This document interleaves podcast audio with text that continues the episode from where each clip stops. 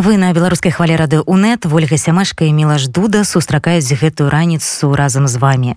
У нядзелю ў варшаве праходзіў форум народаў вольнай рассіі. Будушыні ўкраіны абмяркоўвалі ў кантэксце цяперашняй вайны. Удзел у форуме прынялі не толькі прадстаўнікі рассіі, але і Беларусі, Казахстана, а таксама Украіны. Апошнюю прадстаўляў былы міністр замежных спраў Павел Клімкін. Пра вайну геапалітычны расклад вакол Украіны, беларуска-украінскія і беларуска-польскія адносіны, я і мой калега Павел Бабалович спыталі у дыпламата. Panie ministrze, był pan ministrem zakordonnych spraw майже z samego początku wojny przeciw Ukrainie, bo cenę z 24 lutego tiki 8 rokів wojny, ale tak czy inaczej, czy 24 lutego dla was był czymś niespodziewanym, czymś, co w jakiś sposób pominęło wasze baczenie winy? Е, ні, ми передбачали наступний етап е, російської агресії. Е, були думки, чи Росія почне його цієї весни, чи Росія почне восени. Але скупчення російських військ навколо українських кордонів, постійне підняття ставок бажання Кремля грати з так званими символічними датами. І 30 грудня цього року це 100 років з дня заснування Радянського Союзу. Е, Ну і звичайно, цей сенс місії у Путіна в тому, що він має відбудувати якусь версію імперії. Це все нас наводило на думку, що буде наступний етап агресії. Тому несподіваним однозначно ні. Я казав всім моїм друзям на заході, що червоних ліній у цього російського режиму вже немає ані політичних, ані військових, ані моральних. Більше того, цей режим потребує подальших сплесків пропаганди. Він як залежний наркоман від цього. І моце після окупації Криму вже давно вщухла.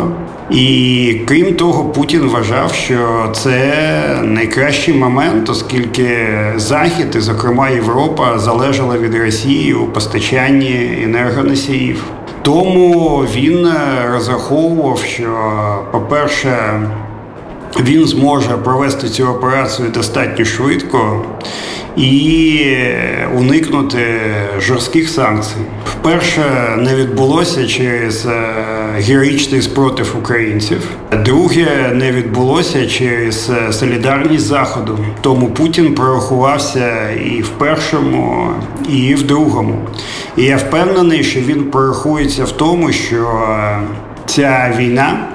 Вона виключає статус-кво і для Росії. Росія не повернеться до цього статус-кво. І ми прекрасно розуміємо, що ми знаходимося в часі, коли на нас очікують подальші геополітичні і не тільки геополітичні перезавантаження.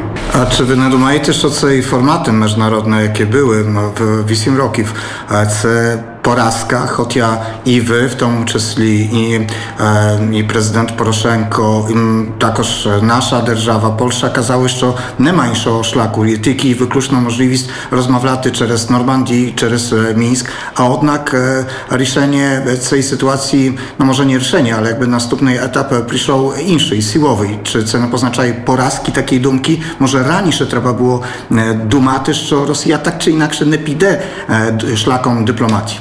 А це було зрозуміло. Я багато разів казав, що будь-які домовленості, мінські чи інші, вони не спрацюють. Але Захід, включаючи Сполучені Штати, йшов, йшов шляхом уникнення ескалації. Захід дуже боявся Путіна, і Путін був успішний в залякуванні Заходу, в залякуванні військовому, що він розпочне війну. Я дуже добре пам'ятаю, як Обама на переговорах казав, що надання зброї неможливо через можливість військової ескалації. Я дуже добре пам'ятаю. пам'ятаю, як я працював майже два місяці над тим, щоб е, Європейський Союз запровадив санкції. І це після того, як був збитий малазійський Боїнг, і після того, як Росія е, на Донбасі порушила все, що можливо, і туди ввела російські війська. Тобто захід, е, який йшов шляхом уникнення ескалації, зробив е, фундаментальну помилку, не розуміючи природу путінського режиму. І якщо б е, зброя, звичайно, ми вигравали час цими домовленостями, ми зуміли. Зміцнити українську армію, ми зміцнили українське суспільство.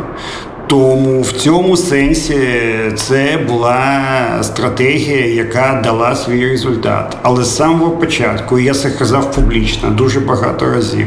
Я казав, що ці домовленості не спрацюють, оскільки Путін не хоче домовленості, а хоче контролювати Україну і забрати у нас можливість прийняття будь-яких самостійних і суверенних рішень щодо нашого майбутнього. Контролюючи Донбас, контролюючи, він бачить Україну або як васала і протекторат, або її взагалі не бачить. І е, підходи і тактика можуть бути різними. Е, стратегія теж може мінятися, але головна ціль Путіна абсолютно не змінилася. Вона була завжди такою. Е, мати Україну в сфері свого домінуючого впливу. А реалізація може звичайно змінюватися. Czy w jakiej mierze współwinnym tej sytuacji to, że зараз бачимо війну в такій, в такому вимірі є також Захід? Чи так можна також зрозуміти то, що ви сказали, то, що Захід не перебачив цієї загрози? Ви згадали президента Обами, але також no, велика частина подій воєнних це президентура Трампа. А по справді, чи це сприйняло цій ситуації rozwit, dalszą rozwitkowi sytuacji powedynka Trumpa, czy spryniała, czy może naprotiv to, że Biden stał się prezydentem, że demokraty przyszły do władzy, jakby dały większą możliwość Putinu rozgornąć winu. Ну, по-перше, Байден і за часів каденції Обами казав, що він був би готовий надавати більше оборонної допомоги. І я це дуже добре пам'ятаю, в тому числі під час моїх зустрічей з ним. По-друге, наші партнери вони мали розвідувальні дані про підготовку повномасштабного вторгнення Росії, і вони теж згаяли час щодо можливості нам масованого постачання зброї. Коли вони зрозуміли, що така загроза є, потрібно було прийняти з самого початку рішення про постачання важкої зброї, але головне про постачання достатньої кількості протитанкової протиповітряної зброї. Навіть зараз, після фактично шести тижнів, було прийнято рішення постачати нам артилерію і броньовану техніку. Артилерія дальнобійна це критично для стримання російської армії. Тому насправді ми згаяли багато багато часу. І те, що трапилось, показало, що, по-перше, тактика, коли Путіна намагаються епізувати, є таке слово в польській, да? тобто е, шляхом умиротворення з ним поводяться, вона веде абсолютно в нікуди. З ним можна розмовляти тільки з позицією жорсткої сили.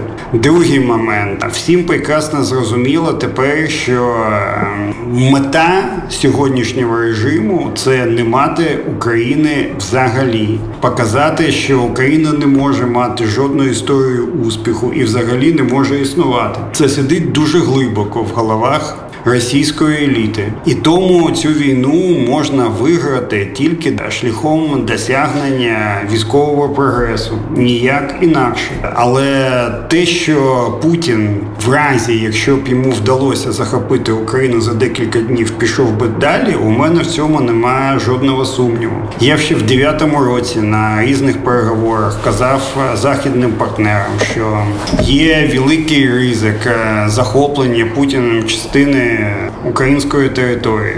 Про це ми говорили. Я п'ять років говорив німцям, що проект Північний потік 2 це не економічний, а політичний проект. І коли газ піде цим газогоном, то що зупиняє Путіна від е, великого військового вторгнення. Німці зараз кажуть, що це все було правильно, але тоді вони в це абсолютно не вірили. І насправді це фундаментальна помилка Заходу. Захід має зараз переглянути стратегію щодо Росії і поставити собі чітку мету, яка полягає в послабленні цього режиму, радикальному стратегічному, таким чином, щоб з території Росії не було загрози світу. Оце головна мета. Не там зміна режиму. Це хай в Росії вони вирішують. От сьогодні у нас була конференція ця про те, яким чином може змінюватись Росія.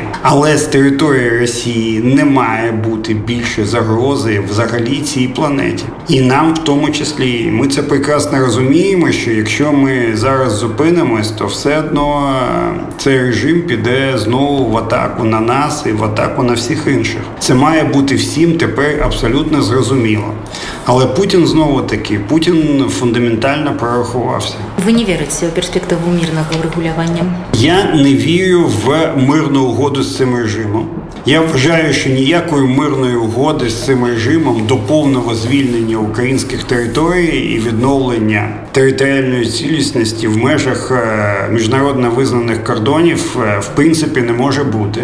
Можуть бути тимчасові домовленості щодо припинення вогню чи перемир'я для вирішення гуманітарних питань. Це все може бути, але мирна угода з цим режимом я в це не вірю. Што тычыцца беларускага пытання з Киева гучыць, што ў дачыненні да Беларусі праводзіцца рэал палітик. Як вы ацэньваеце такія паводзіны і адносіны з Лукашенком? Я вважаю, що керівник Білорусі, я не можу називати його президентом легітимним, але керівник Білорусі він є спільником у злочинах Росії і президента Російської Федерації, оскільки з території Білорусі в Україну йдуть російські війська літять літаки, літять ракети. Це військовий злочин, і керівник Білорусі має за це відповідати. Я не бачу ніяких можливостей уникнути цієї відповідальності.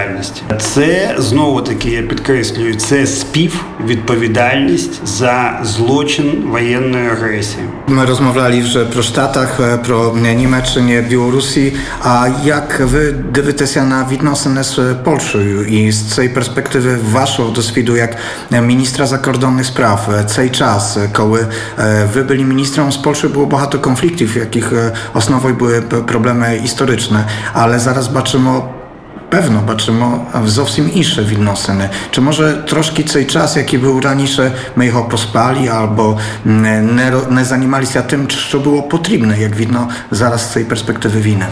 Я це завжди говорив моїм польським друзям, що ми дуже багато розмовляємо про те, що потрібно розмовляти, але майже не розмовляємо про те, що критично потрібно розмовляти. Наприклад, про спільне тренування війни війська, про спільне придбання зброї, про спільне виробництво зброї і ще багато про різних речей. Зараз, після російської агресії, всім зрозуміло, що Центральна Європа має виглядати по-іншому. Тут має бути нова солідарність, новий сенс ем, забезпечення безпеки. Це все справа майбутнього. Але історичні питання нікуди не подінуться. Просто історичні питання потрібно обговорювати, не використовуючи їх як політичний чинник, а з повагою один до одного і розумінням, що в історії немає чорного або білого. В спільній історії завжди є моменти, які потрібно залишити історикам, які потрібно дуже чесно визнавати. І я завжди казав сказав е, моїм польським друзям, що я готовий разом на кожному місці, де були втрачені життя піти і віддати їм шану. Абсолютно незалежно, чи це були українці, чи поляки, чи хтось інший. І це про те, що ми розуміємо історію, визнаємо, але не робимо її частиною політики. А якщо ми робимо її частиною політики, ми робимо себе заручниками цієї політики абсолютно свідомо. І це неправильно.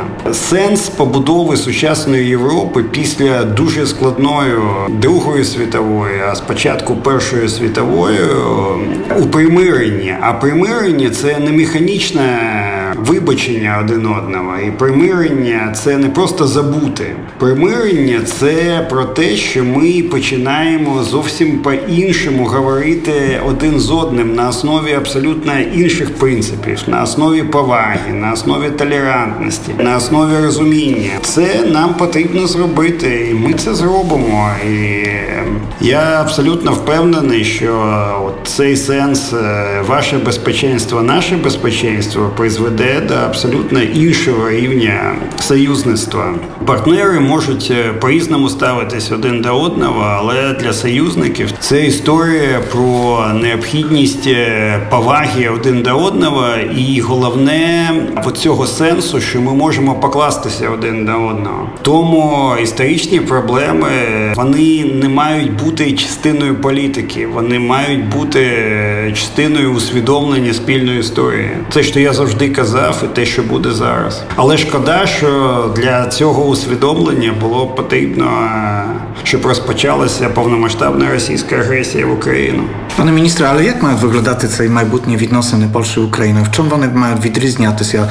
Президент Анджей Дуда сказав 3 травня в День польської конституції, що не буде вже такого кордону. Я розмовляв не так давно з українськими прикордонниками, які мені розповідали, як були ці перші дні, коли була сама більша кількість українських біженців, перед всім жінок і дітей, і що росіяни розрахували на те, що буде якісь там проблеми на кордоні. Тих проблемів не було. Вони приходили до Польщі, поляки їх прийняли просто ze szczerym, відкритим серцем. Але як це має перекластися? Як це має виглядати пізніше? Чи ми повернемося до такого самого нормального кордону, до тих самих договірів, які зараз є? Чи фактично ми маємо якусь ідею? Ви може маєте якусь ідею, як це має виглядати? Це має виглядати, що Україна стала членом Європейського Союзу і НАТО. І кордонів як таких не було. Якщо ви їдете з Німеччини до Франції, ви ж не відчуваєте цього кордону, крім е, знаку на дорозі, що це тепер Франція. Так само має бути між Україною та Польщею. Так само між нами має бути достатньо шляхів, щоб ми не стояли в якихось чергах прямо зараз. Так само має бути максимально спрощений перетин кордону. Так само польський бізнес і поляки мають відчувати себе в Україні. Україні вдома, українці мають відчувати себе в Польщі вдома. Ми не маємо відчувати, що ми приїхали. Ну так, ми приїжджаємо в дружню країну. От, от це має бути головне. Спочатку, ну звичайно, кордон завтра нікуди не дінеться, але я дуже сподіваюся, що ми пройдемо до Європейського союзу не бюрократичним шляхом. Це не означає, що ми уникатимемо тому, того, що ми маємо зробити на шляху до ЄС. Ми маємо пройти цей шлях. Це дуже непростий шлях. Але в Європейському Союзі і НАТО не має бути кордонів. От саме так я це і розумію. І я також це розумію, що тепер Україну сприймають е, в Євросоюзі як е, майбутнього члена європейського простору і європейської родини. Що тепер немає ніяких там більше політичних чи неполітичних сперечань, чи що Україна має стати членом Європейського союзу, і це власне і буде завершенням європейського проекту. А скажите, будь ласка, коли ви були міністром, про скільки год ви пролішували, що Україна може стати членом Європейського Союзу? Які там були перспективи? Це завжди залежить від нас, безумовно, від Європейського Союзу, але також від Росії, яку завжди дуже побоювалися. Тому цей процес було прогнозувати достатньо складно. Тепер я можу прогнозувати, що це триватиме звичайно роки, але це не триватиме там нескінченну кількість років, як це відбувалося для Балкан. Оце важливо. І я, до речі, можу це сказати. Я завжди говорив, що я вірю в європейську Білорусь. Я завжди за це боровся. Це дуже емоційна історія для мене. І я вірю, що Білорусь також в перспективі має приєднатися до європейської родини. І подивіться, наскільки все ж таки білоруси, незважаючи на шалену російську пропаганду, відрізняються. Якщо російську армію женуть як гарматне м'ясо, то білоруси не хочуть воювати. І є багато даних, що Путін все ж таки переламав білоруське керівництво, щоб білоруська армія брала участь в вторгненні. Але білоруси не хочуть цього. Білоруси не відчувають в українцях жодної загрози. Це скоріше навпаки, білоруська і українська це найближче один до одного мови. Ми добре розуміємось, і тому я абсолютно впевнений, що місце Білорусі також в Європі. Panie ministrze, my rozmawiali i wykazali pro, kazali pro zagrozy, що буде, як Росія би перемогла Україну, а як буде виглядати перемога України? Що буде таким символом цієї перемоги України? Що руський корабель піде в одному напрямку? Що це має бути, що ви скажете, так, це день нашої перемоги? Коли я побачу українські прапори на території, яка зараз окупована росіянами, коли я стоятиму на набережній в Херсоні і дивитимуся на Чорне море, коли я спокійно можу випити кави з друзями в Харкові, чи до речі, у мене в Ізюмі є друзі, там неподалік від Харкова, коли я, врешті-решт, зможу повернутися на набережну Ялти і подивитися на Чорне море там, з'їсти там чебурек в улюбленому кримсько-татарському ресторані, повернутися колись на стадіон Донецька і подивитися матч Шахтаря з якоюсь класною командою. От для мене це перемога. Для того, щоб люди посміхалися, для того, щоб вони були вдома в Європі, в Польщі, в Франції, де завгодно, в Італії, щоб всі інші були вдома в Україні. І дуже важливо, і це теж складова перемоги, щоб більше від Росії загрози, як сьогодні, всім не виходило, щоб ми завжди могли відповісти на можливу агресію Росії, або краще мати таку Росію, яка не буде зацікавлена там в захопленнях, відновленні імперії, а буде дивитися на своїх людей, а не на свої міфи і на свої імперські судоми. Былы міністр замежных спраў Украіны Павел Клімкін на нашай хвалі расказваў пра вайну, геапалітыку і беларускае пытанне.